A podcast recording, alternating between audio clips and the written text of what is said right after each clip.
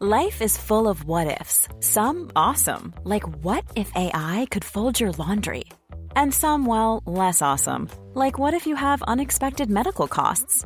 United Healthcare can help get you covered with Health Protector Guard fixed indemnity insurance plans. They supplement your primary plan to help you manage out of pocket costs. No deductibles, no enrollment periods, and especially no more what ifs. Visit uh1.com to find the Health Protector Guard plan for you. There's never been a faster or easier way to start your weight loss journey than with PlushCare. PlushCare accepts most insurance plans and gives you online access to board-certified physicians who can prescribe FDA-approved weight loss medications like Wigovi and Zepbound for those who qualify. Take charge of your health and speak with a board-certified physician about a weight loss plan that's right for you. Get started today at plushcare.com slash weight loss. That's plushcare.com slash weight loss. plushcare.com slash weight loss. This is Paige, the co-host of Giggly Squad, and I want to tell you about a company that I've been loving, Olive and June. Olive and June gives you everything that you need for a salon quality manicure in one box. And if you break it down, it really comes out to $2 a manicure, which is absolutely insane. It's also so easy to get salon worthy nails at home with Olive and June. The difference between how your nails used to look when you did them yourself and now with the Manny system is a complete game changer. The best thing about Olive and June too is it's a quick dry. Dries in about one minute, lasts for five days, and full coverage in up to one to two coats. Visit oliveandjune.com slash perfectmanny20 for 20% off your first system. That's oliveandjune.com slash perfectmanny20 for 20% off your first system. Veckans sponsor är Telia. Hos Telia samlar man mobil, bredband, IT-support, mobilväxel, allt som gör företagande enkelt. Och det är just det här att samla allt på ett ställe, att ha någon att vända sig till när det inte fungerar, det är Telia. Ett exempel på vad som inte är Telia, det är ju som när jag lyckas boka förmötet för en poddinspelning med Finansinspektionen till efter själva inspelningstillfället. Eller när jag här, året var liksom, fick för mig att jag skulle börja springa, så jag är liksom ute och springer taggad, träffar en kompis som säger så du Jan, på måndag ska jag springa ett lopp. Och jag känner så här, ja men det låter inspirerande, så jag käkar pasta, jag byter om, tar mig ner till Malmö stadion för att göra en efteranmälan, står där i kön och sen så när jag liksom anmäler mig så tittar de på mig och säger så här, du Jan, vårhuset är bara till för kvinnor. Och eh, det var, det var typisk en situation som inte är Telia. Oavsett, ett stort tack till Telia som sponsrar, gör Rika Tillsammans möjligt, men framför allt tack till dig som lyssnar, följer och eh, hänger med oss varje vecka. Med det sagt, jag ställer alltid in vårt månadsspar på den 15. så, så att, det kan eh, ni också göra. Du lyssnar på Rika Tillsammans-podden som handlar om allt som är roligt med privatekonomi i den här podden får du varje vecka ta del av konkreta tips, råd, verktyg och inspiration för att ta ditt sparande och din privatekonomi till nästa nivå på ett enkelt sätt. Vi som gör den här podden heter Jan och Caroline Bolmesson. Idag är det dags för avsnitt 97 och mm. Eh, idag ska det vara liksom en sån här klassiker, vanliga frågor och eh, svar. Ja. Tänker jag att mm. Jag har gjort lite så här spaning på bloggen och lite... Vad det som har, eh, inte, jag vill inte säga trendat, men, Nej, eh, men det är ändå så, frågor som har dykt upp som vi känner så att vi behöver eh, ge något slags svar på. Ja, eller mm. precis, eller framförallt resonemang. Resonemang, jag, ja. ja. för jag upplever att snart är vi uppe i hundra avsnitt. Och mm. När jag sitter och planerar avsnitten nu så är jag så här, där finns inte så många nya saker att, eh, att ta upp. Särskilt eftersom vi inte liksom följer så här, oh, nu händer detta på marknaden, eller så, eftersom jag tycker Nej. det är tämligen eh, ointressant. Men det handlar, dagens avsnitt kommer ju då vara eh, liksom lite så här praktiskt kring de fyra hinkarna ja. Eh, som vi pratat mycket om i avsnitt 47. Mm. Det kommer vara lite så här, eh, åsikter om den här nya Avanza Emerging Markets-fonden. Det Mm. kommer vara lite prat om den här storebror, lillebror och lillasyster. Ja, men det var ju länge sedan vi pratade om. Jag tror faktiskt inte vi har pratat om det i, i podden. Utan, Nej, det kan hända det till och med är så att vi bara har skrivit om det på bloggen. Ja, och att Ja. jag brukar ta upp det i workshopparna Ja. eh, som vi håller, så brukar Mm. jag ta upp det, men jag tror faktiskt inte jag har skrivit om det. Så Då blir det extra spännande. Ja, vi Ja. kommer att prata lite om ombalansering mellan de olika hinkarna, Mm. eh, bästa dagen för sitt månadssparande, eh, sen lite så här konkreta, liksom vilken hink passar guld i Mm. och eh, sen också även så här, in, flera frågor så här, men jag har fått eh, en miljon i arv eller jag har sparat ihop två miljoner eller jag har Mm. sparat ihop sex miljoner. Hur ska jag göra med eh, liksom en större summa pengar? Observera att någon har sparat ihop 6 miljoner. ja, precis, nu tror jag sig just den sex miljoner var ett arv, eh, eller Ja. till och med ett så här förmynda, men det är Nej, klart jag vill att bara människor, visa på optimismen vi har kring att man kan ja, spara rätt mycket pengar ja, själv. över tid. Och sen så kommer frågan då hur man ska investera dem. Ja, Mm. precis. Så att det tänkte jag ha lite, lite resonemang eh, kring faktiskt. Och eh, annars så tror jag att detta blir ett lite kortare avsnitt. Det är Mm. ju påsk och eh, vi har ju precis kommit hem efter fyra dagar i London Mm. med familjen. Med- ja. Säg. Med en åttaåring och nio månaders. Ja, eh, Det var en prövning. ja, kan väl inte riktigt sägas på rak arm att det rekommenderas eh, Nej. ju- just nu. Men, alltså eh, London är en väldigt bullrig stad och det är mycket folk och det passar, passar kanske inte riktigt med små, små barn. Ja, jag var ju på, med Freja på Natural Science, eh, Natural History Museum. Ja, Alltså det var så Naturhistoriska sjukt- museet. i London. Ja. Och vi skulle titta på eh, dinosaurier och fossiler och sånt. Och det var så sjukt mycket folk i Ja, alla de här För att det gångerna. var påsk och för att det var gratis Ja, inträde. Mm. Precis. Så att, eh, Men annars var det kul. det var jättekul, absolut. Mm. Och framförallt roligt att göra med, med familjen. Alltså Mm. både då med min bror och hans eh, fru och eh, min... din mamma. Tänkte säga vår mamma, men det hade varit jättekonstigt med min, Med din mamma. med min mamma, ja. Mm. Och, och det får man ibland ändå också tänka på de här som vi pratade om lite i det här avsnittet kring inre trädgården. Att eh, vi pratar mycket om sparande och vi pratar mycket om att liksom pengar och sånt. Men många, många av de viktigaste sakerna i livet är ju faktiskt ändå gratis.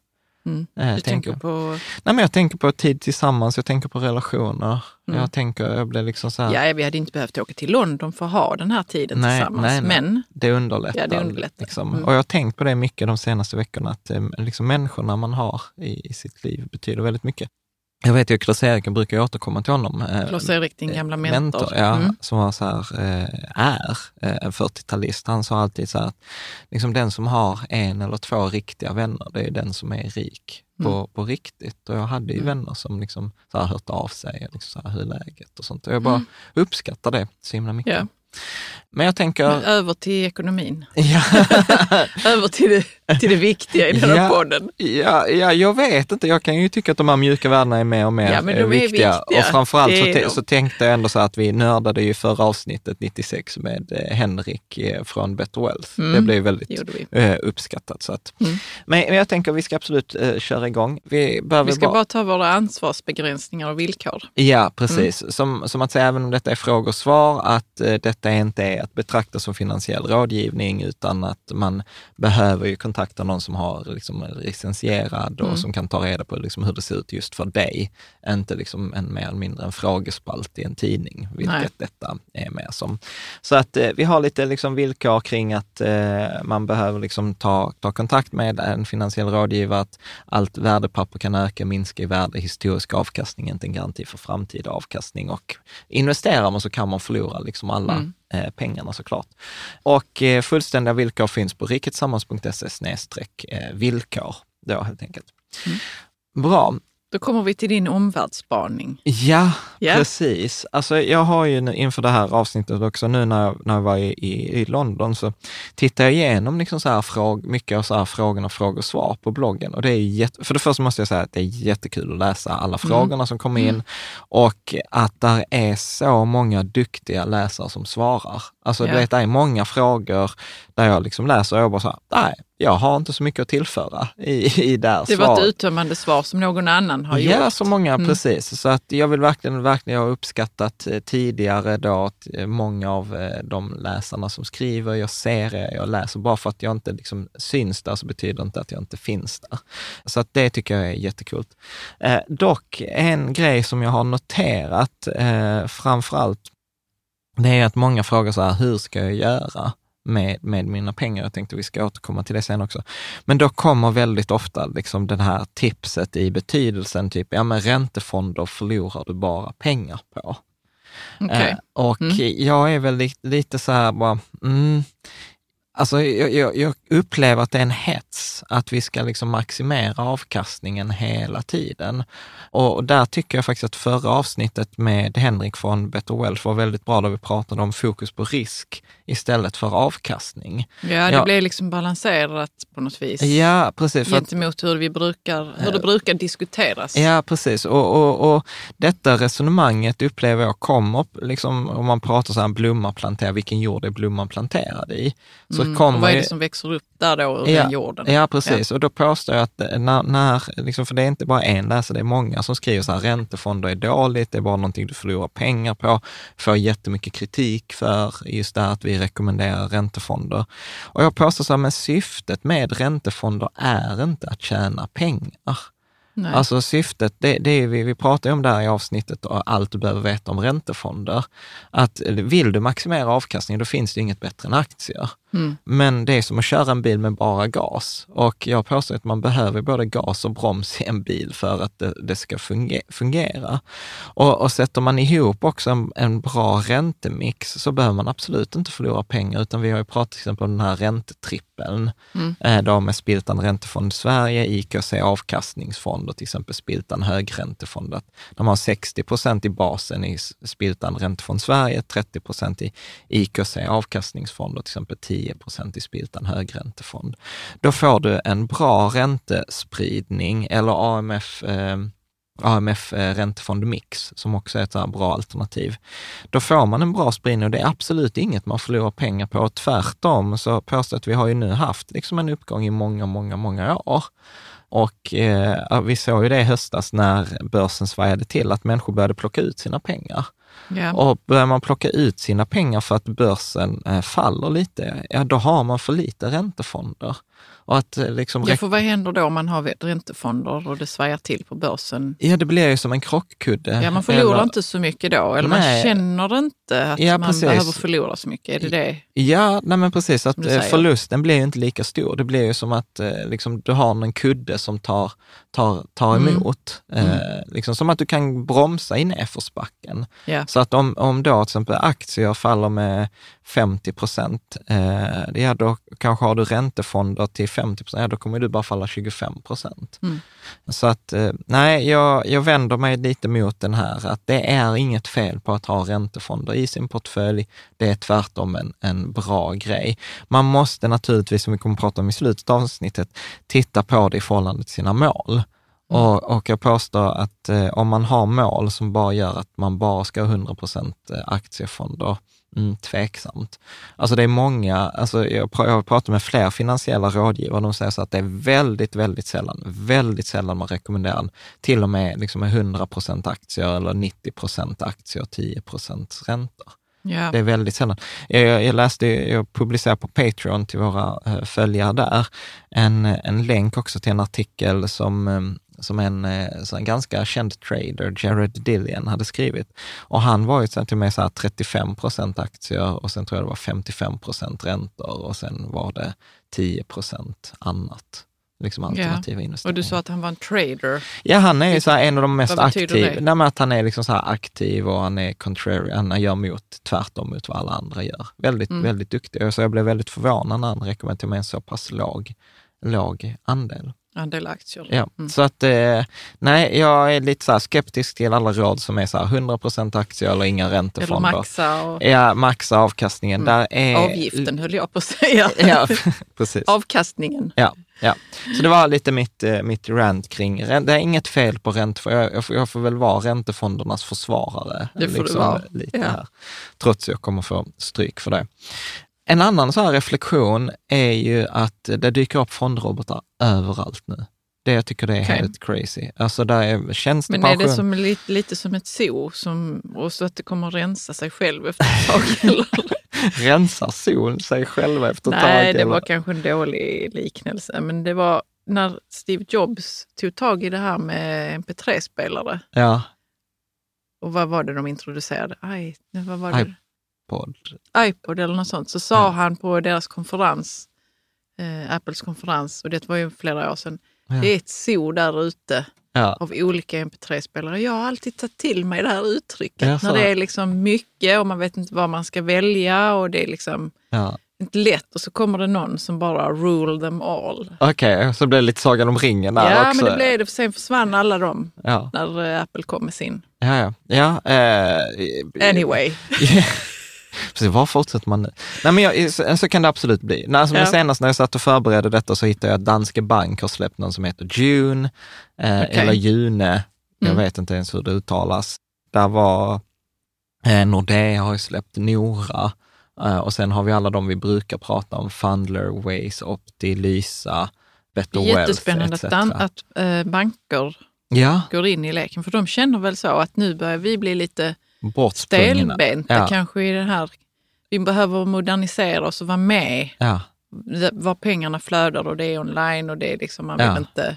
Nej, men jag tycker, jag tycker jag ser de här efter? trenderna liksom väldigt tydligt. Eh, Det, det som är ganska intressant är att Swedbank eh, har inte släppt någonting. Nej, men Vilket de kanske har en helt annan strategi. Ja, jag vet inte. Jag tror att de, har, de är nog i lite kr- krismode fortfarande efter den här penningtvättskandalen. Men, eh, Och nej, kanske Danske Bank också var. ja, kanske i och för sig. Nej, men jag upplever att det kommer väldigt mycket så här fondrobotar, det är hett nu. Eh, Mm. faktorfonder är också hett nu där med att man ska ha till exempel så här, eh, värdebolag går bättre än tillväxtbolag, små bolag går bättre än stora bolag. Alltså den här tiltningen, det som vi tog upp i det här avsnittet med det inte- professorn. Är det inte lite så att man diskuterar saker i olika branscher? Mm. Och det här är då finansbranschen och här har man då kommit på att, att, det, att liksom, någon har sagt för Mm. länge sedan att små bolag är bättre än stora och man ska ha värdebolag och sånt. Ursäkta. Och sen så, så sprider det sig, det droppar ner till resten men det tar lite tid. Ja, Och nu Ja. har det skett då. ja, precis. Och aktiva fonder har det tufft. Eh, Så att jag tror att liksom sen, kommer väl pendeln slå tillbaka. Så att, så att jag, jag tycker det, så det är också roligt att veta så att det, vi, vi har ju varit ute liksom med passiva indexfonder sånt. Mm. Vi har alltid legat lite före, fått eh, liksom lite så. Ja, så att, eh, nej men det var mest bara en sån här spaning att det, det kommer mycket, men jag, jag vidhåller fortfarande att de, de vi har pratat om tycker jag har varit bäst hittills då, bland Ja. annat med Lysa Opti. Better Wealth är ett lite annorlunda eh, fågel kan man väl säga, men där ju har vi gjort ett helt avsnitt då, om dem. Mm. Eh, bra. Eh, en annan så här omvärldsbana som jag tyckte, jag såg en kommentar på bloggen som jag tyckte var jättekul. Det var- Från Christer P. Ja, Mm. precis. Eh, och han skrev så här, man ska aldrig drabbas av panik, men drabbas man så ska man se till att drabbas först. Jag, tyckte, jag tyckte det var ganska Det så. Tack, det tack, där. tack Christer eh, för det där. Får Och man det, drabbas av panik hela tiden för att vara först? Liksom. ja, ja nej, men, nej, men det är lite så Vad betyder nu detta? Nej, Vad- men jag, vad- tänker, jag tänker väl så här att eh, om man ska ta ut sina, jag, jag såg det i alla fall väldigt tydligt så med aktier, Mm. att om man har en för hög ri- riskexponering, så som vi pratade om innan, att man ser en stor nedgång, ja men sälj av liksom först, Ja. så, så kommer man liksom inte åka lika, lika långt ner. Och sen var det en annan eh, intressant kommentar faktiskt, med en länk till en bild som jag inte hade sett och det var från ananasen. Känns ju konstigt att säga ananasen, skrev på bloggen. Mm. Eh, men du kan ju läsa. Ja, Ananasen skrev, problemet är att börsen nästan alltid befinner sig på ATH. Ja, all time high. Okej. alltså på, på Mm. det högsta värdet. Eh, och jag ska faktiskt lägga upp den här bilden i anslutning eh, till, eh, till poddavsnittet, för jag, för jag gillar den jättemycket. Det är alltså en bild av den amerikanska börsen mellan 1900 och 2016. Mm. Och så har de satt ut bara, this is the top, this is the top. På varenda liten, liten topp står det this is the top. Ja, precis. Eh, och, och så är det ju liksom börsen, eh, och börsen stiger ju mer än vad den liksom går ner. Och det betyder ju att över tid så kommer den ju hela tiden nå nya toppar. Den kommer gå högre och högre upp. Ja. Och det var ju också en av de som jag fick med mig från Kavas, Arne Tallvings kurs, att, att när börsen når ett nytt rekord, så är det inte som att den kommer falla från det rekordet, utan i genomsnitt så tror jag att den följs av 42 nya rekord. Ja. Så att det är inget konstigt att börsen liksom slår nya rekord över, över tid. Så att liksom ibland när man hamnar i den här felaktiga funderingen, så att ja, det borde ju gå ner, eh, för nu kan jag inte köpa för nu är det som det högsta värdet, så är det inget konstigt, för börsen ska ligga många gånger som eh, högst, eh, liksom på sina Nu. högsta värde. Ja. Mm. Så att det tyckte jag var en ganska illustrativ eh, bild. Och sen så rekommenderar jag även det här avsnittet som vi hade, investera allt på en gång eller eh, sprida ut över tid, som också tar upp eh, vissa av de här resonemangen. Så att man behöver inte vara rädd för att man köp, köper liksom så här på toppen om man är långsiktig. Nej, precis. Liksom. Eh, så att det var tack, tack till Ananasen Ja. som publicerade eh, den här. Mm. Så jag tänker att vi tar några av eh, frågorna. Nu kör vi igång med frågorna. Ja. Ja, Ja. ska du ta Eh, den? Då kan vi ta så här. Det är Bo som ställer en fråga och den lyder så här. Min fråga gäller hur man rent praktiskt jobbar med fyra hinkarna, eller framförallt de tre första hinkarna. Låt oss säga att jag har satt dessa mål. Bufferthinken 50 000 kronor. Mellanhinken 100 000 kronor. Passiva hinken resten minus lekhinken. Vi får gå in på det sen vad det betyder. Mm. Om jag redan fyllt min bufferthink och mellanhink, ska allt mitt sparande direkt in i passiva hinken då? Mm. Ja, men jag tänker vi kan, vi kan ta där. Ja, vi Eh, kan ta där ja. För det var lite till han frågade där, men vi, vi tar där. Precis. Nej, men så här är det ju, att eh, det- vi pratar mycket om det i avsnitt 47 Mm. och eftersom det är ett år sedan, 50 avsnitt sedan, ganska exakt idag ju, så tänker jag att det är snart dags för en uppdatering av den artikeln. Men fyra hinkar-principen i korthet är ett sätt att lura hjärnan, för det är egentligen mental bokföring, där man delar upp sitt totala sparande i fyra delar. Och bufferthinken handlar ju om eh, liksom, eh, det första som ska vara låg risk, det ska liksom mer eller mindre Lättåtkomligt. lättåtkomligt, liksom det ska skydda mot oförutsedda händelser. Liksom. Mm. Mellanriskhinken är målet att ha en lite högre avkastning än inflationen, det vill säga skydda pengarna mot svängningar på marknaden. Och sen har vi den passiva hinken som ska vara själva motorn, där vi tar liksom eh, ganska hög aktierisk, kanske 80-20 eller 90-10. ja. Och sen hade vi den sista lekhinken där vi säger så att ja, men de flesta av oss tycker det är ganska kul med pengar, vill investera och vill göra lite udda investeringar. Ja, då har man, eh, då brukar jag säga att lekhinken, en lagom storlek är 10 procent av den passiva hinken. Så har man 100 000 i den passiva hinken, då är lagom storlek 10 000 kronor på lekhinken. Så, att okej. det är, eh, så att det är Men kan vi liksom bara fördelning. klargöra en sak? Alltså Mm. vi, vi pratar om de här fyra hinkarna som att de ska hålla hela ens sparande. Ja. Men vad ingår där? Är det bara pengarna man sätter undan då? Ja, Ja, så där ingår till exempel i första bufferthinken så är det ju, ah, då brukar jag ju säga att storleken på den ska vara ett års utgifter minus alla eh, garanterade inkomster, alltså minus inkomstförsäkring, a-kassa och allt det där. Så att försäkringar ingår ju absolut i, i bufferthinken. Eh, mellanriskhinken, det kommer en fråga på det sen, men där tycker jag det är ganska rimligt att räkna in sin bostad. Mm. Då värdet, eh, inte hela, liksom, utan bara det man äger själv. Så är bostaden värd en miljon om man har lån på 700 000, ja då är det 300 000 man äger själv. Då Ja. sätter man bara in 300 000, för resten äger ju banken, Mm. eh, så att säga. Ja, precis. Okej. Och, ja, nej, och sen i passiva hinken är ju mest, alltså mellanriskhinken är ju också det vi pratar om nybörjarportföljen, alltså för äh, en aktieportfölj, 60 procent aktier och 40 procent räntefonder. Så att där är ju både aktier och räntefonder i mellanriskhinken. I bufferthinken kan man också ha räntefonder. Det är inget konstigt. Passiva hinken är ju mest aktiefonder och sen lekhinken kan ju vara precis vad som helst. Eh, det kan ju vara då, det kan vara alternativa investeringar som till exempel Tessin eller peer-to-peer-lån eller guld eller skog eller ja, Ja, precis. precis. vad som helst. Mm. Så, så frågan här, så om man har fyllt på sin bufferthink och sin mellanriskhink, ska allt sparande gå till den passiva hinken? Svar ja. Okej. Alltså att man tänker på det, hinkar är att när den ena hinken svämmar över, då rinner det över till den andra hinken och när den är full, då rinner det över till den tredje. Så att det är som att stå med en, jag brukar ibland tänka på det som att man står med en slang Mm. och sen bara spolar man liksom så vatten in i dem och så flyttar man den när den är full. så flyttar man. Och sen blir den tum en av de tidigare, ja då kan man ju flytta tillbaka slangen. Eller så tar man vatten från en av de nedre hinkarna och fyller på. Precis. Så, Mm. så tänker jag. Bra. Jag tror Bo skrev lite till här. Mm. Jag blev konfunderad när jag såg ett av era senare avsnitt, tror det var 92, där ni visade att det kontinuerliga månadssparandet var viktigt för portföljens avkastning. Borde man i så fall fortsätta att spara i alla tre hinkarna, sedan ombalansera dem någon gång per år? Ja, nej, men jag tror jag vidhåller mitt svar, att man ska liksom fylla på den hinken man är i.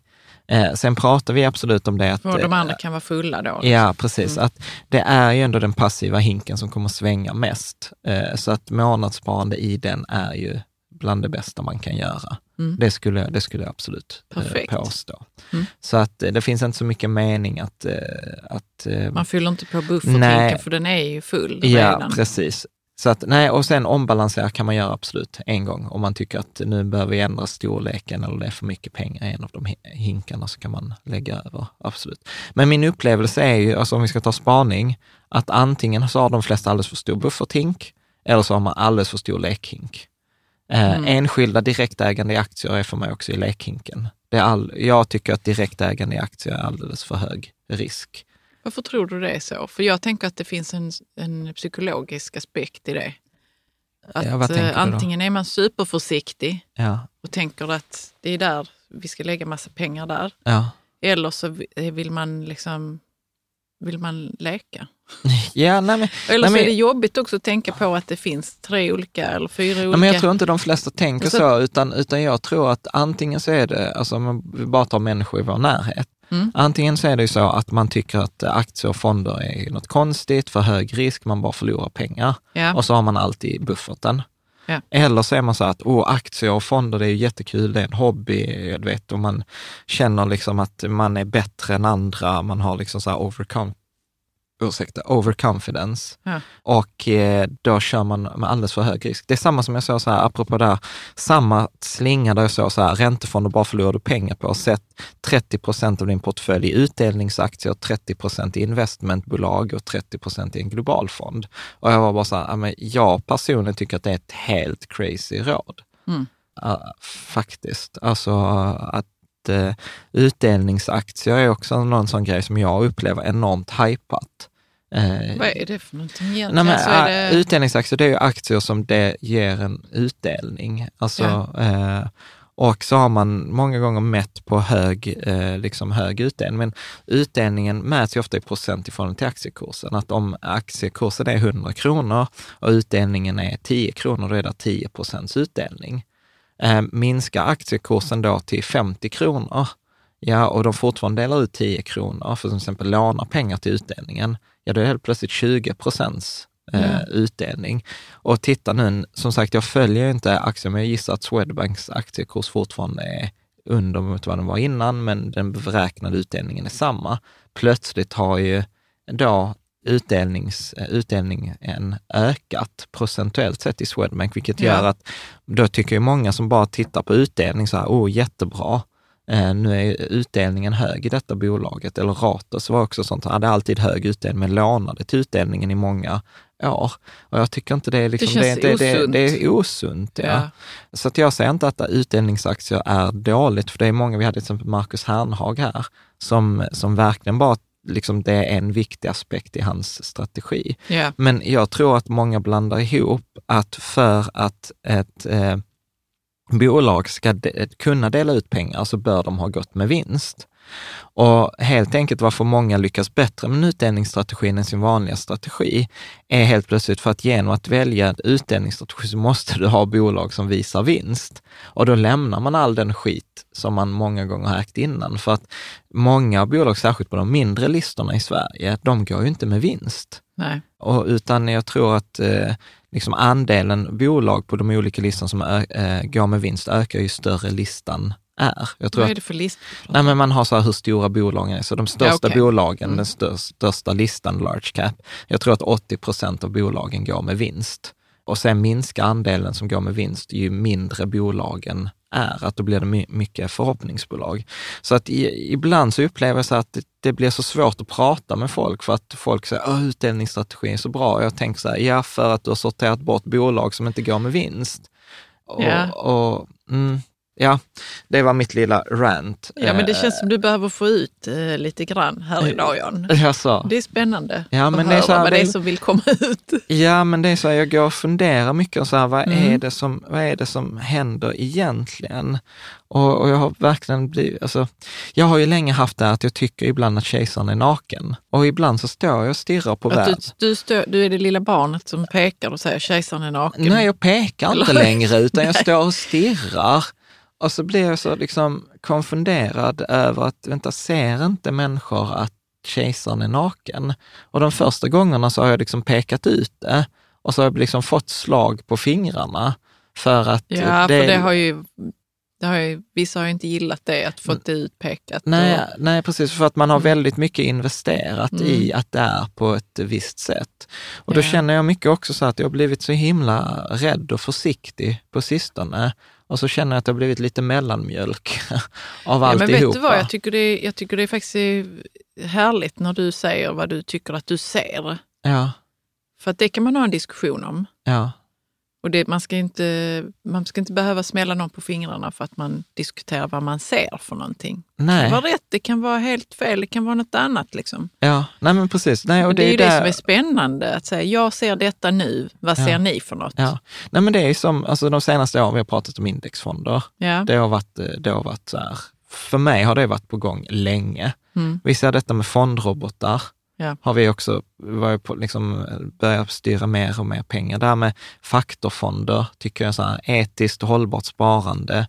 Ja, räntefonder för att inte tala om det, eller den här FIRE-grejen. Mm. Att jag blir så här liksom, ja, men jag blir så fascinerad och så blir jag så här, ser inte andra det också? Nej, men det är ju lite så att man lever i sin egen bubbla. Ju. Du Ja. har ju din bubbla Ja, och det kan vara så att den bubblan är större eller mindre. Det vet, Ja. vet vi inte. liksom. ja. Nej men så är det nog, för att jag umgås mycket med människor som där vi pratar mycket om sånt här. Mm. Alltså vad är det som händer egentligen? Vad är det som driver oss?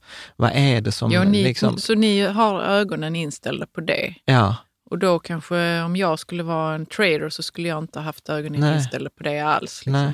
Nej, men och, och jag, såg, jag såg om den här Ricky Gervais på Netflix. Eh, den här Komiker, komiker, eh, Humanity. hans show. Hans show Humanity. Jag tyckte den var jättebra. Där han också tar upp eh, det här att liksom så här, vi har slutat prata med varandra. Utan du vet, när någon uttrycker någonting så tittar man först, är han med i samma, samma grupp eller samma åsikt som jag? Ja, då kan jag lyssna. Har de en annan åsikt? Nej, då byter vi.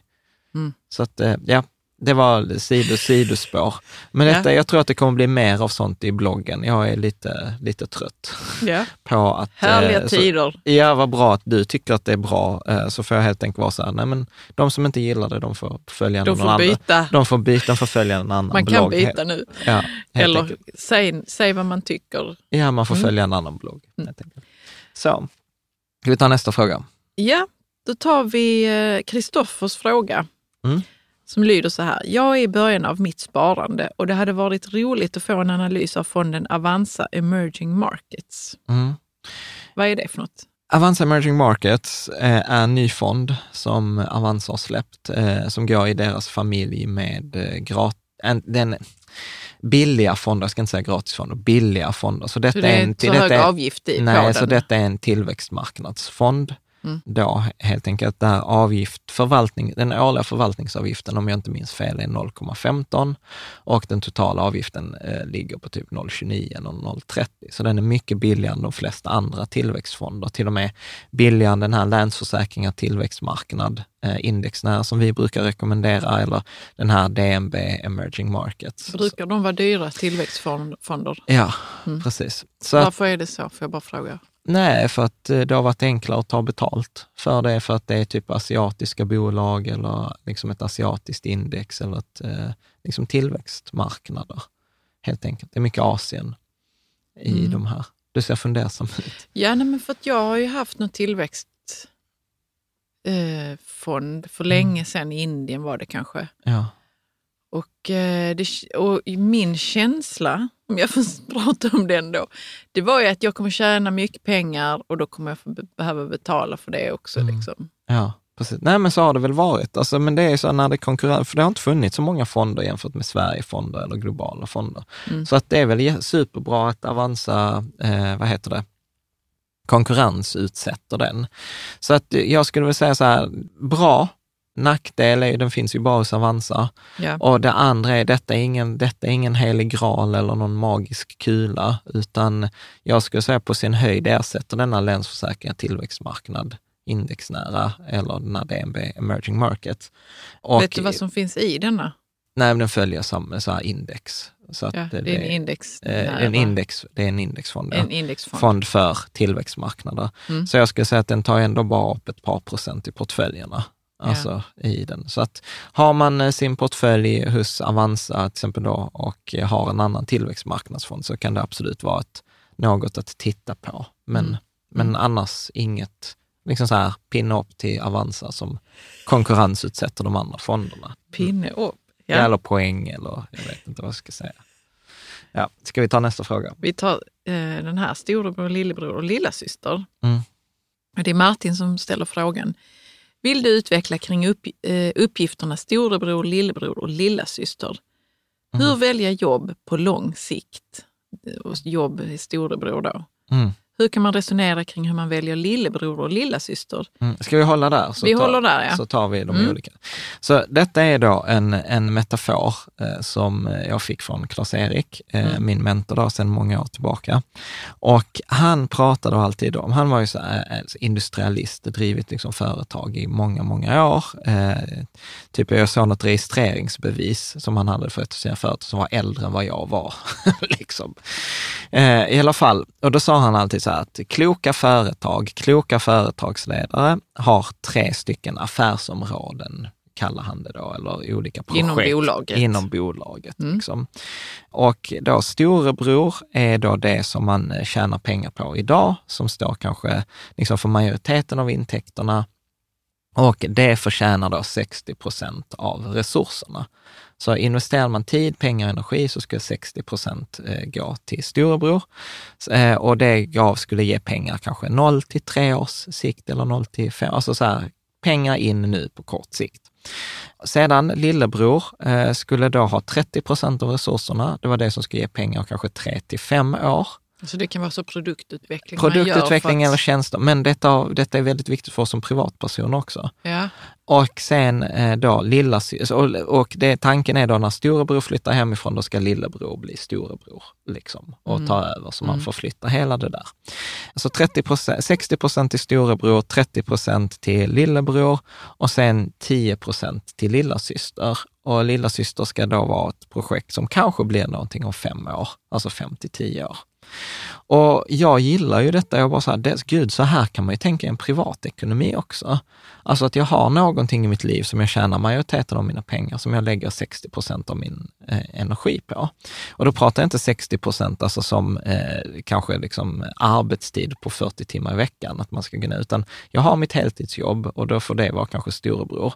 Men sen har jag ett annat projekt som kanske kommer ge mig pengar om två eller tre år. Och sen har jag ett lillasyster som är liksom något lång, långskott. Mm. Eh, Så att så har jag ju alltid funderat när jag var då på, på Ecotech, som var mitt första företag. Då var ju det storebror och då gjorde jag ju det. Och parallellt med det så var ju då balansekonomi lillebror, som jag började på, som jag tyckte var väldigt roligt. Och bloggen var ju lillasyster. Ja. Eh, Liksom. Sen, sen efter det så blev Balansekonomi storebror. Jag var anställd där i många år, tjänade, liksom fick en lön, hade bloggen, gick från att vara lilla syster till lillebror. Och sen hade jag liksom ett eh, nytt eh, projekt som fick vara eh, då lilla syster. Mm. Och, och, då kan man, och, och poängen här är att man driver alla tre projekten samtidigt. Så att det är inte först gör jag storebror, utan tricket är att göra alla. Och då undviker man också alla de här som jag ibland hör folk säga, ah, men nu ska jag säga upp mig från jobbet. Och så ska man börja med något nytt. Och jag är så här, gud, det hade med jag aldrig... nytt som inte har varit flytande, I eh, ett alltså par- i ett flutit par- på. Som, har, som inte har Mm. varit lillebror i flera Nej, år. som inte har fått vara lillebror ens. Ja, utan då påstår jag att detta är mycket bättre, för då kan man liksom överlappa på ett mycket, mycket bättre eh, sätt. Mm. Och tricket är att alltid göra, ja, men som sagt, alla tre, eh, tre samtidigt. Mm. Så då har vi definierat eh, storebror, lillebror och lillasyster. Ja. Det roliga, bara ett sidospår. Eh, Jag berättade detta på, på en workshop, för där går vi igenom detta och pratar lite om det. Då var det någon som bara sa, Jan, du, det, detta låter som så här BCG-matrisen. Jag var så här, äh, va? Och eh, då är det så att eh, ett av mina favoritbolag, är BCG, Boston Consulting Group, som är så här fancy managementkonsulter.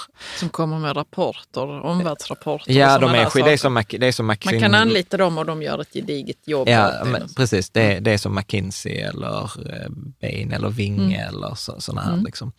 Och då har de en modell som, som var egentligen ganska lik, där de pratar om kassakor, som är de man tjänar pengar på eh, idag.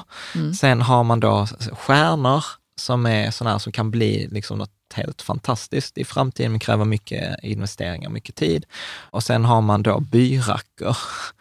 liksom, jag tycker det är så taskigt. Alltså byrackor som då kostar pengar, kostar tid och energi, som då ska, liksom Som ska av, avvecklas. Och sen Mm. har man liksom frågetecken, då saker, projekt som kan bli då en, en, en stjärna eller kan bli en kassako eller så. Mm. Så att det var ungefär samma eh, grej. Jag gillar storebror, lillebror och lillasyster. Sen vet jag också att jag pratade med, med en kompis om det här som var så ah, men jag gillar inte storebror, jag vill ha alfa, omega, och be, eller alfa, beta, omega. Jag bara, Kalla det vad du vill, det är, principen är, är samma. Ska du fortsätta? Ja, jag fortsätter. Mitt problem är att jag ofta börjar med ett projekt.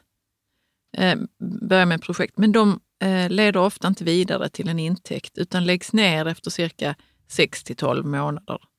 Andra möjligheter dyker upp och int- intresset falnar. Hur veta när det är dags att lägga ner och hur länge bör man försöka innan man tillåter sig ändra riktning eller projekt? Det är en väldigt bra fråga. Ja, ja jag har inget superbra Kan svar. man utvärdera under tiden? Ja, men det liksom tror jag. Så att, men vi är ändå på väg på rätt Ja. håll. Och, Jag skulle nog säga, som, som jag alltid brukar säga, så här, ingen, ingen människa har blivit framgångsrik på egen hand, Mm. utan man behöver hjälp av andra människor. Så att Mm. ett, ett skulle jag säga så här, man ska nog inte fatta det beslutet själv. nej. Sen tror jag också att eh, man behöver liksom vara ganska rak med sig själv. Vad är man bra på? Vad är man eh, inte så himla bra på? Vad, vilka, vilka kompetenser behöver jag? Eh, Ja, alltså jag kan ju säga att det är mycket i mitt liv där, som jag har gjort mm, för att jag har trott så att det här behöver jag göra liksom, för Mm. att ja, det det man behöver jobba mm, såklart. Och sen så har jag kanske inte varit superbra på det. mm, Och det har ju kommit på i efterhand. Mm. Att det var ju tur att jag inte jobbar på labb längre, för jag var inte så duktig på att labba. Ja, men, och då finns det labbassistenter som... Ja, och det finns de som är riktigt duktiga på det och det ska de göra. Jag Ja. ska göra något annat som faller mig mer naturligt. Ja, Mm. och där tror jag att du har poängen. Mm. Verkligen, att jag tror att vi ska göra det vi tycker är roligt. För att om jag tycker att något av det här är roligt, då lägger jag tid på det, lägger jag tid på det så blir jag bra på det, blir jag bra på det så kan jag tjäna pengar på det, kan jag tjäna pengar på det så kan jag lägga tid på det och så är vi inne i en positiv spiral. Absolut. Eh, sen tror jag också att, att man behöver ha hjälp, för ofta är man kanske inte så himla duktig på den här kapitaliseringsbiten. Alltså hur kan jag tjäna pengar på det här projektet?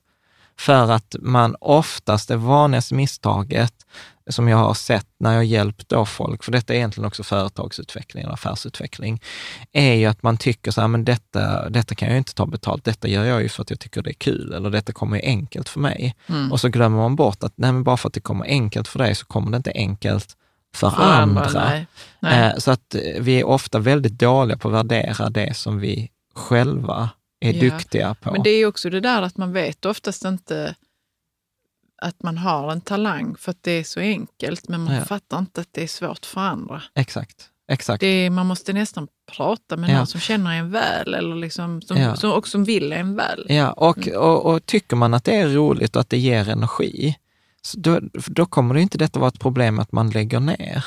Nej. Så jag skulle säga att, alltså att man fortsätter så länge man tycker att det är roligt och, man, och verkligen behöver göra det för sin egen skull. Jag tror att det är jättesvårt att tänka så här, åh, vad kan jag tjäna pengar på? Ja, men detta kan jag nu tjäna pengar på och så ska man göra det. Och så tycker man jag inte tror att det... att man kommer från ett annat håll. Ja, precis. vad jag tycker Alltså så här- är kul. Ja, det, alltså det måste vara så roligt att jag hade gjort detta även om jag inte fick betalt för det. Liksom. För då Mm. tror jag att det där kommer. Du har ju massa exempel med så här författare. Var det inte du som sa att han där som skrev den, den långa färden? Nej, inte, det var helt fel film. Den där, han som vandrar med sin dotter.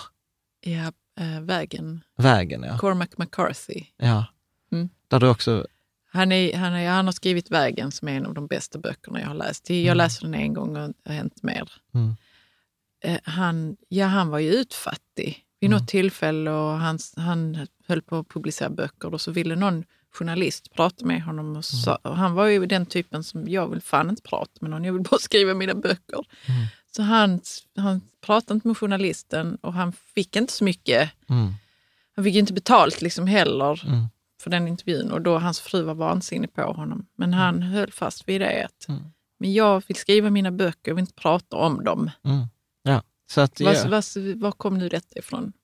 Nej, vad är kontentan i detta? nej, men att, att göra det man tror på. Ja, Och göra det för Ja. att man tycker att det är kul och för Mm. liksom sin egen drivkraft. Sen gick Mm. det ju bra för honom också, för jag gissar att han tog hjälp. Annars hade vi inte suttit och pratat om hans bok. nej, nej han är väldigt framgångsrik. Ja. Så att nej, kontentan, eh, ta hjälp, gör det så länge du tycker är kul och du får energi för det. Och var inte rädd för att ställa, liksom, ta hjälp av andra. Framförallt, hur kan jag tjäna pengar på detta?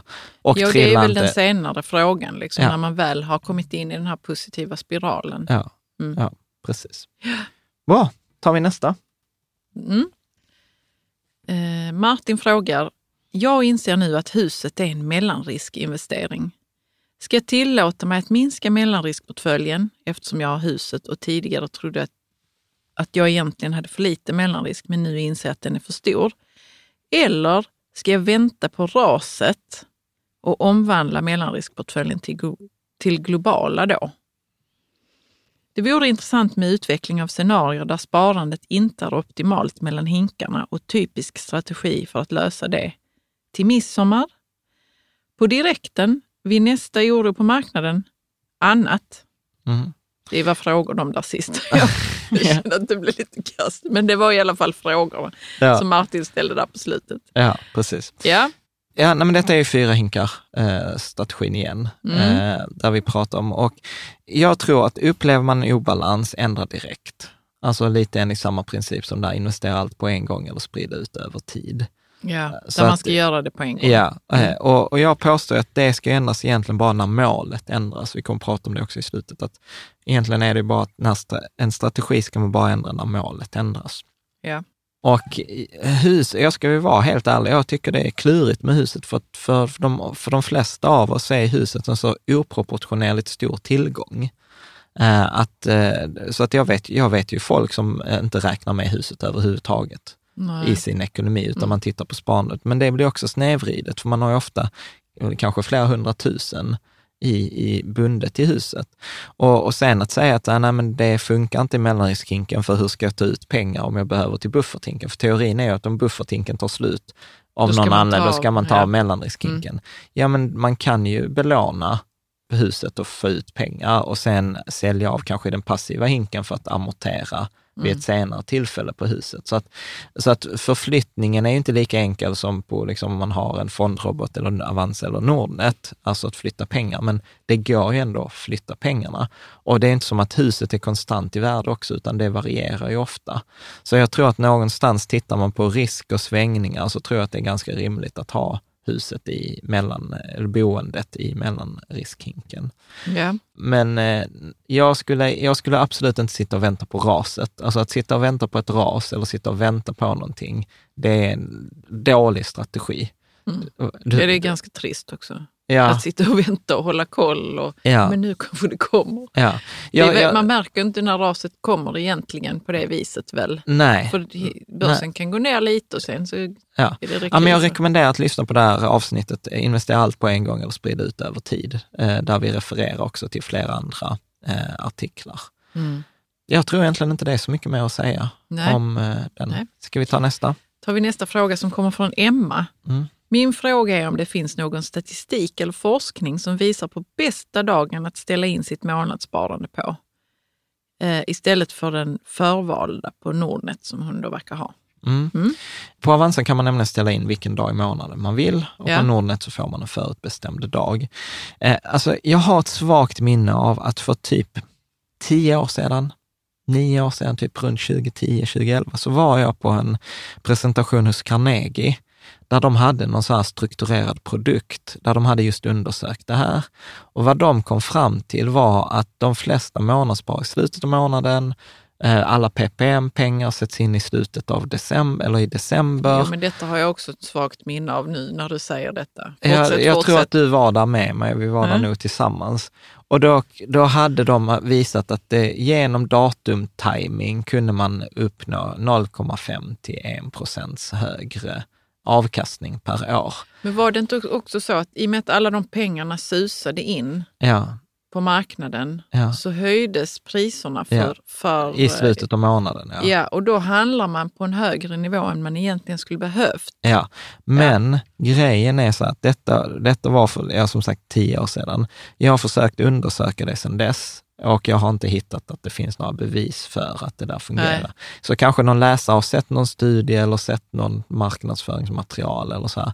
Men i, i dagsläget så tror jag inte det spelar någon roll när Nej, för jag tänker också så här att pengar susar från ena stället till andra egentligen. Ja, fast grejen är också att man behöver sätta i relation, alltså det finns så många miljarder kronor Ja. där ute så att de pengarna som kommer in är Ja, marginellt. de kanske är lite det, det också. spelar, det jag tror inte det spelar någon större roll. Nej. Ja, det lät bra i alla fall. Det lät där. bra och, och, och det har, liksom, Emma är inte varken först eller sist eh, med den tanken när till och med Carnegie hade en presentation och bjöd på mat och hela paketet för att prata om just det här.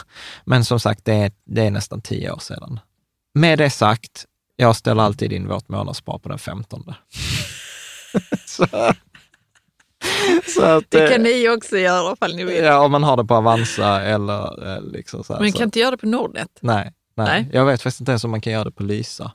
Man kan välja vilken dag som dras. Jag vet inte. Men i alla fall, jag är så här, om jag ändå ska välja någon dag, då kan jag lika gärna välja en mitten av månaden. Absolut. Eh, mitten av månaden då. Med det sagt. Ja. Ja.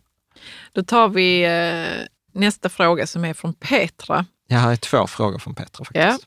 Hur slash vilken hink räknar jag med eh, det som eh, finns sparat i guld? Mm. En del av bufferten är Nej, vänta, vi tar den frågan först. Så Ja. det är två separata Okej. frågor. Så lite beror på hur man gör. Eh, alltså nu har vi i både nybörjarportföljen som är i mellanriskhinken, alltså vår 60-40-portfölj och passiva hinken som är då 90-10, de har ju 5% guld. Så på det sättet så kommer ju guld in i alla portföljerna. Om man bara köper extra guld, då ska jag säga att det är lekhinken. Mm. För då är det en spekulation, precis som liksom allt, eh, allt annat. Och sen återigen, kom ihåg att, att fyra hinkar-principen är ju bara egentligen en metafor, eller liksom en manuell, vad ska jag säga, alltså ett, ett, Ett sätt, sätt. att beskriva det. Ja. För, för att det var ju så roligt, för det var, det var någon som skrev så här, ja, jag har skapat, eh, jag har öppnat konto hos Lysa och till mina barn, till mig själv och ett långsiktigt. Så jag har typ ett 90-10, ett eh, 60-40 och ett eh, och 20-80. Och så var det någon annan läsare som skrev, ja, det betyder att du har en 53-47-portfölj. Och jag påstår, ja, det, det, det kan stämma i det specifika fallet, men poängen är att om jag har en 50 53-47-portfölj så är det mycket svårare att tänka på den än att tänka att jag har en bufferthink, mellanriskhink, ja, det är ett sätt att passiv. underlätta för en att Ja, ha att- koll på sin... Ja, så att det är liksom inget, Sparande. det är inget rätt svar, utan Nej. det är liksom ett, ett sätt att underlätta själva tänkandet, för till slut så är det ändå bara en enda hög med pengar. Mm. Liksom. Mm. Så att det, det, det är mental bokföring använt till sin egen nytta. Ja. Bra. Eh, bra. Mm. Och då går vi vidare med Petras fråga. Mm. En del av bufferten i hink 1 tänker jag utgörs av mitt kreditkort med 10 000 kronor. Funkis. Mm. Ja, Jag älskar hur vi har, liksom så här, vi har försökt introducera den här fyra principen och den heter så här, passiva hinken och hink 1 och bufferthinken. Alltså du vet för någon som lyssnar som är så här, bara, vad är det för snack om de där hinkarna? Då Liksom. ska man lyssna på avsnitt 47. 47. Och du vet, jag kallar ibland principen och strategin. Men i alla fall, för att svara på frågan, ja det är helt okej. Alltså, vi har ett avsnitt som handlar om, bara om buffert, eh, där vi gör just det här resonemanget kring att eh, kan, kan man få lån på ett enkelt sätt så är det många gånger mer lönsamt att ta lånet i bufferthinken och sen återbetala det i framtiden eh, från någon av sina andra hinkar. Så att eh, jag skulle rekommendera att titta på det avsnittet som handlar om buffert. Jag kan tyvärr inte det avsnittet i huvudet. Nej. Så att, Men man kan absolut. använda sitt kreditkort. Ja, absolut. som- Under förutsättning att man kan betala tillbaka det. Ja. Inom, eh, jag, jag tror att vi i det avsnittet eh, räknar ett 30 år. Nej, ett år. Ett år. Jag att- fattar inte. Jo, man måste ju man, betala sin räkning på en gång, annars får man ju ränta. eh, precis, den högre räntan. Men om man jämför då med att ha 10 000 kronor och sen behöver du inte de 10 000 kronor fem år, ja då har du ju haft en massa avkastning du har missat. Och då kan man räkna, jag kommer ihåg att jag gjorde en sån här överkurs, det var ju överkursdelen, en tabell som visade vilken ränta kan du betala i ett år för att det fortfarande ska vara mer lönsamt att ta ett skitlån, alltså ett kreditkortslån, Ja, ja. Mm. för att det ska vara mer lönsamt än alternativavkastningen du förlorar. Så det är lite överkurs. Ja, men, men, men vi går igenom det, så att nej, det är inte, det är inte fel. Liksom. Men man Mm. behöver veta, som allt annat, man behöver veta vad man gör Mm. med det. Samma sak där. Det finns ju, jag träffar fortfarande människor som säger att kreditkort är djävulens påfund. Och så står jag där som den där lilla ungen igen, bara äh, va? Vi fortsätter. Ja, är det Petras andra fråga här? Nej, detta Nej, det är en annan. Detta är en Mm. annan fråga. Detta är egentligen flera frågor som jag har sett som är liknande. Okej, kör på. Mm. Hej, jag har nyligen ärvt eh, en miljon efter min mormor. Har ingen tidigare erfarenhet av investeringar. Mm. Och sen så stod det en massa andra grejer. Och sen är Mm. det flera andra som, ja men jag har ärvt eh, liksom, de pengarna, då, sparat ihop två miljoner etc.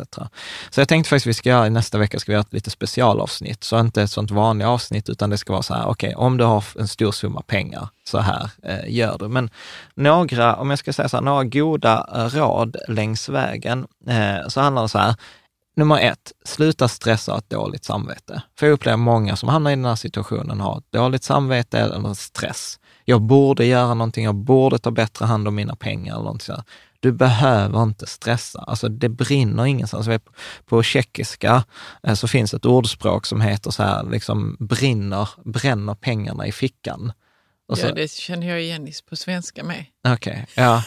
Okej, ja, jag vet Men inte. jag vet, alltså jag skojar jag vet, med jag vet, dig jag nu. vet inte men hur det vi- låter men på svenska. Jag kan ju säga så att pengar br- brinner i mina fickor Ja. ibland. Eller Ja. de bränner. Ja, De måste ut därifrån. ja, precis. Ja, men, ja, precis. Och, och, och det så här, stop it, liksom. Ja, man, Eh, man behöver inte stressa. Nej, utan så här, lägg dem på, på liksom, det gör ingenting om de, om de ligger på ett konto med insättningsgaranti både ett och två år. Eh, och gärna en ränta på kanske 0,4-0,5. Mm. Liksom så här, gör ingen, ta inga förhastade beslut. För att har du ingen erfarenhet av att placera de här pengarna, då är sannolikheten stor att du kommer råka ut för det som också Claes-Erik brukade säga så här, när en person med erfarenhet träffar en person med pengar, eller händer alltid samma sak. Personen med pengar får erfarenheten och personen med erfarenhet får pengarna. Så sannolikheten är ganska stor att du kommer bli av med de pengarna. Så ta det lugnt. Mm. Det är verkligen mitt, mitt första råd. Och eh, du som lyssnar, har du någon som är i den situationen, bara hjälp dem att ta det lugnt. Alltså, det spelar ingen roll om det är ett år eller två år. Liksom gör, gör ordentligt eh, re, liksom, arbete med det där. Mm. Sen skulle jag säga så här, kontakta en oberoende finansiell rådgivare och eller en coach. Och eh, liksom, eller inte eller, och en coach. Man behöver liksom Ja, två specifikt då för att... för att identifiera målet. Vad är syftet med pengarna? Vad är målet i ditt liv? För att det här, här upplever jag att även på bloggen och finansiella råd, apropå kejsaren är naken, alla börjar ge råd hur man ska placera pengarna. Och jag här, men det beror ju på vad människan har för mål.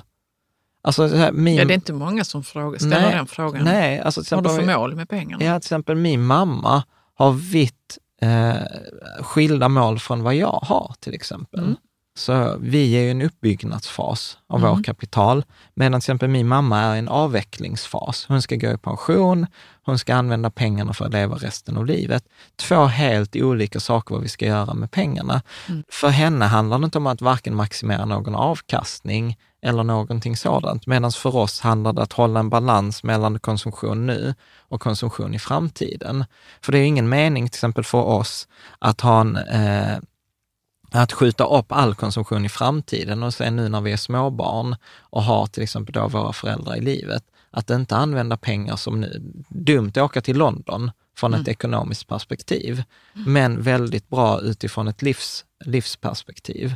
Så att jag menar målen är super, super viktiga och, och detta är ett sånt något man missar jätteofta och detta är varför vi pratar om det så mycket på workshopen. Och skapa en investeringsplan. Och en plan utan mål är ju helt värdelös. Så att, och det är därför jag säger också finansiell rådgivare och en coach, för coacher är ofta mycket bättre på att hjälpa en hitta målen. Sen kan man med målet gå till en finansiell rådgivare och säga, jag har de här, det här, de här målen i mitt liv. Detta är det som är viktigt. Detta, jag tror vi pratar om detta i avsnittet i 24 eller 27 med Moa Dieselborn eh, kring Ja. eh, pengar inte lösningen, pengar är bara en förstärkare. Mm. Eh, för när man då har målet, ja då kan man gå till en finansiell rådgivare och berätta liksom fix it. liksom så här att här är jag, jag har de här pengarna, detta är mina mål, se till att pengarna räcker.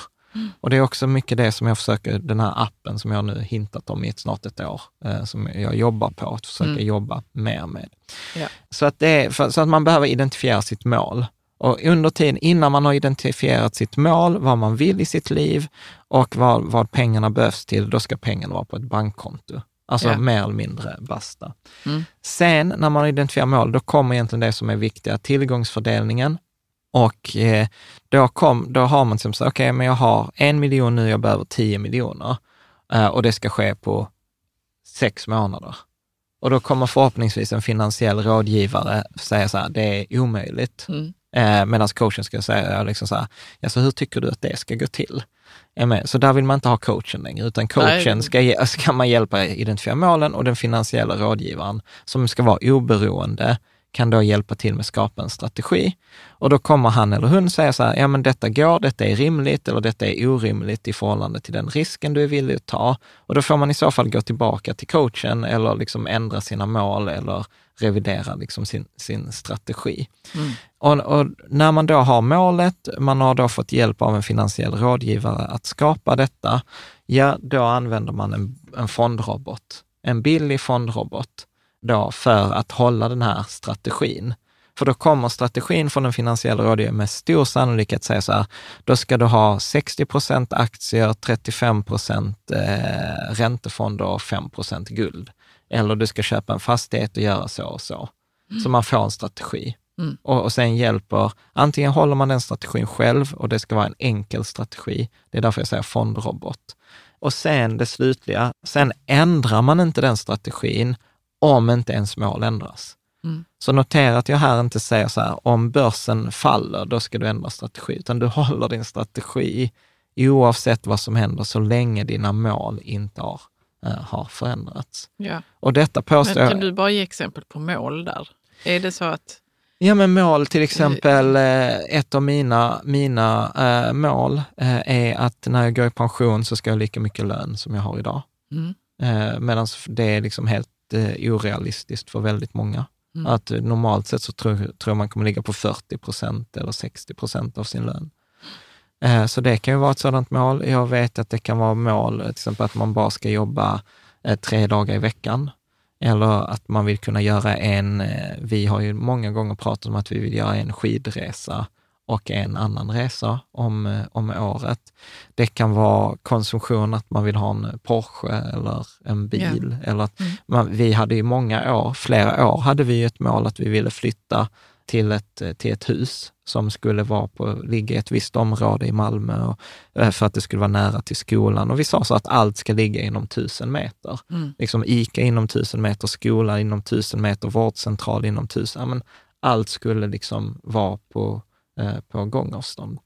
eh, sommarhus utomlands. Vet jag till exempel, vi har vänner nu som säger så att nej, vi ska vara eh, utomlands på hösten och på våren och på vintern eh, ska vi vara på ett riktigt varmt land, för ett hus i Spanien räcker inte på hösten och våren. Det liksom, eller förlåt, ett hus i Spanien räcker inte på vintern, för där blir det för kallt.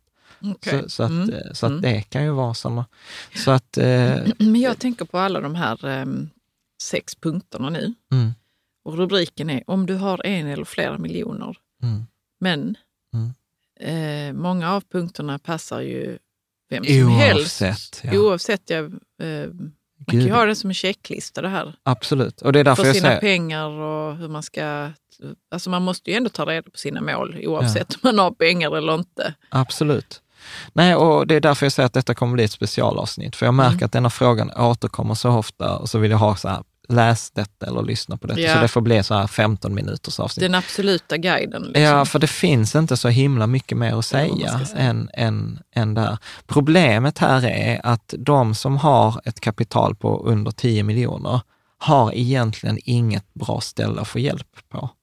Inte ens hos de här oberoende finansiella rådgivarna. Jag vet, vi, har vi brukar ju rekommendera, kommer jag skriva den artikeln, vilka vi har använt, vilka vi rekommenderar. Men många av dem säger också så här, tyvärr, alltså en kund med 5 miljoner i kapital, är en olönsam kund.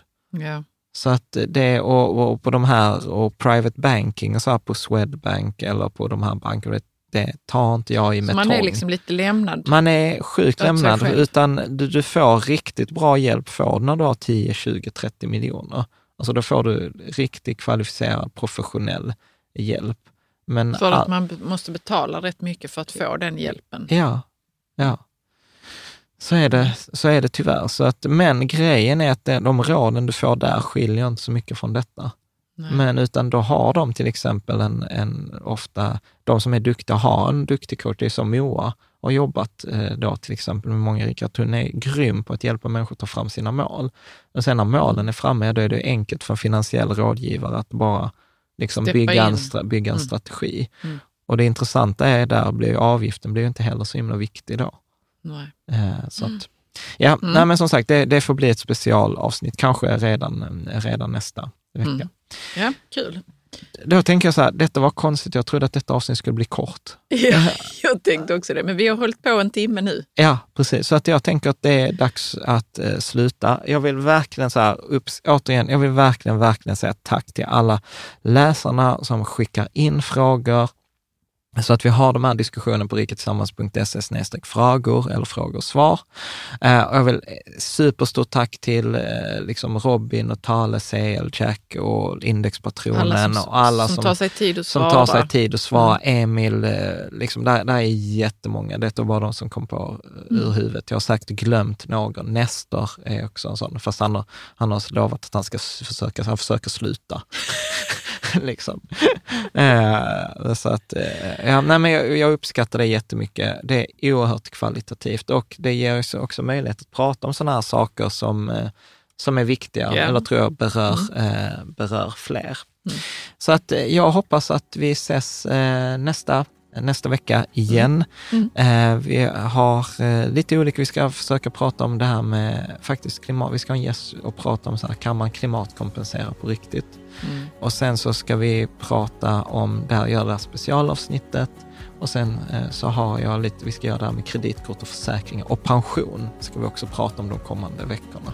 Ja, så, det vi finns- har mycket framför Det oss. finns mycket spännande som ligger i, i pipen, eh, Ja. absolut. Så att eh, tack än en gång och hoppas att Tack. vi ses nästa söndag. Mm. Tack.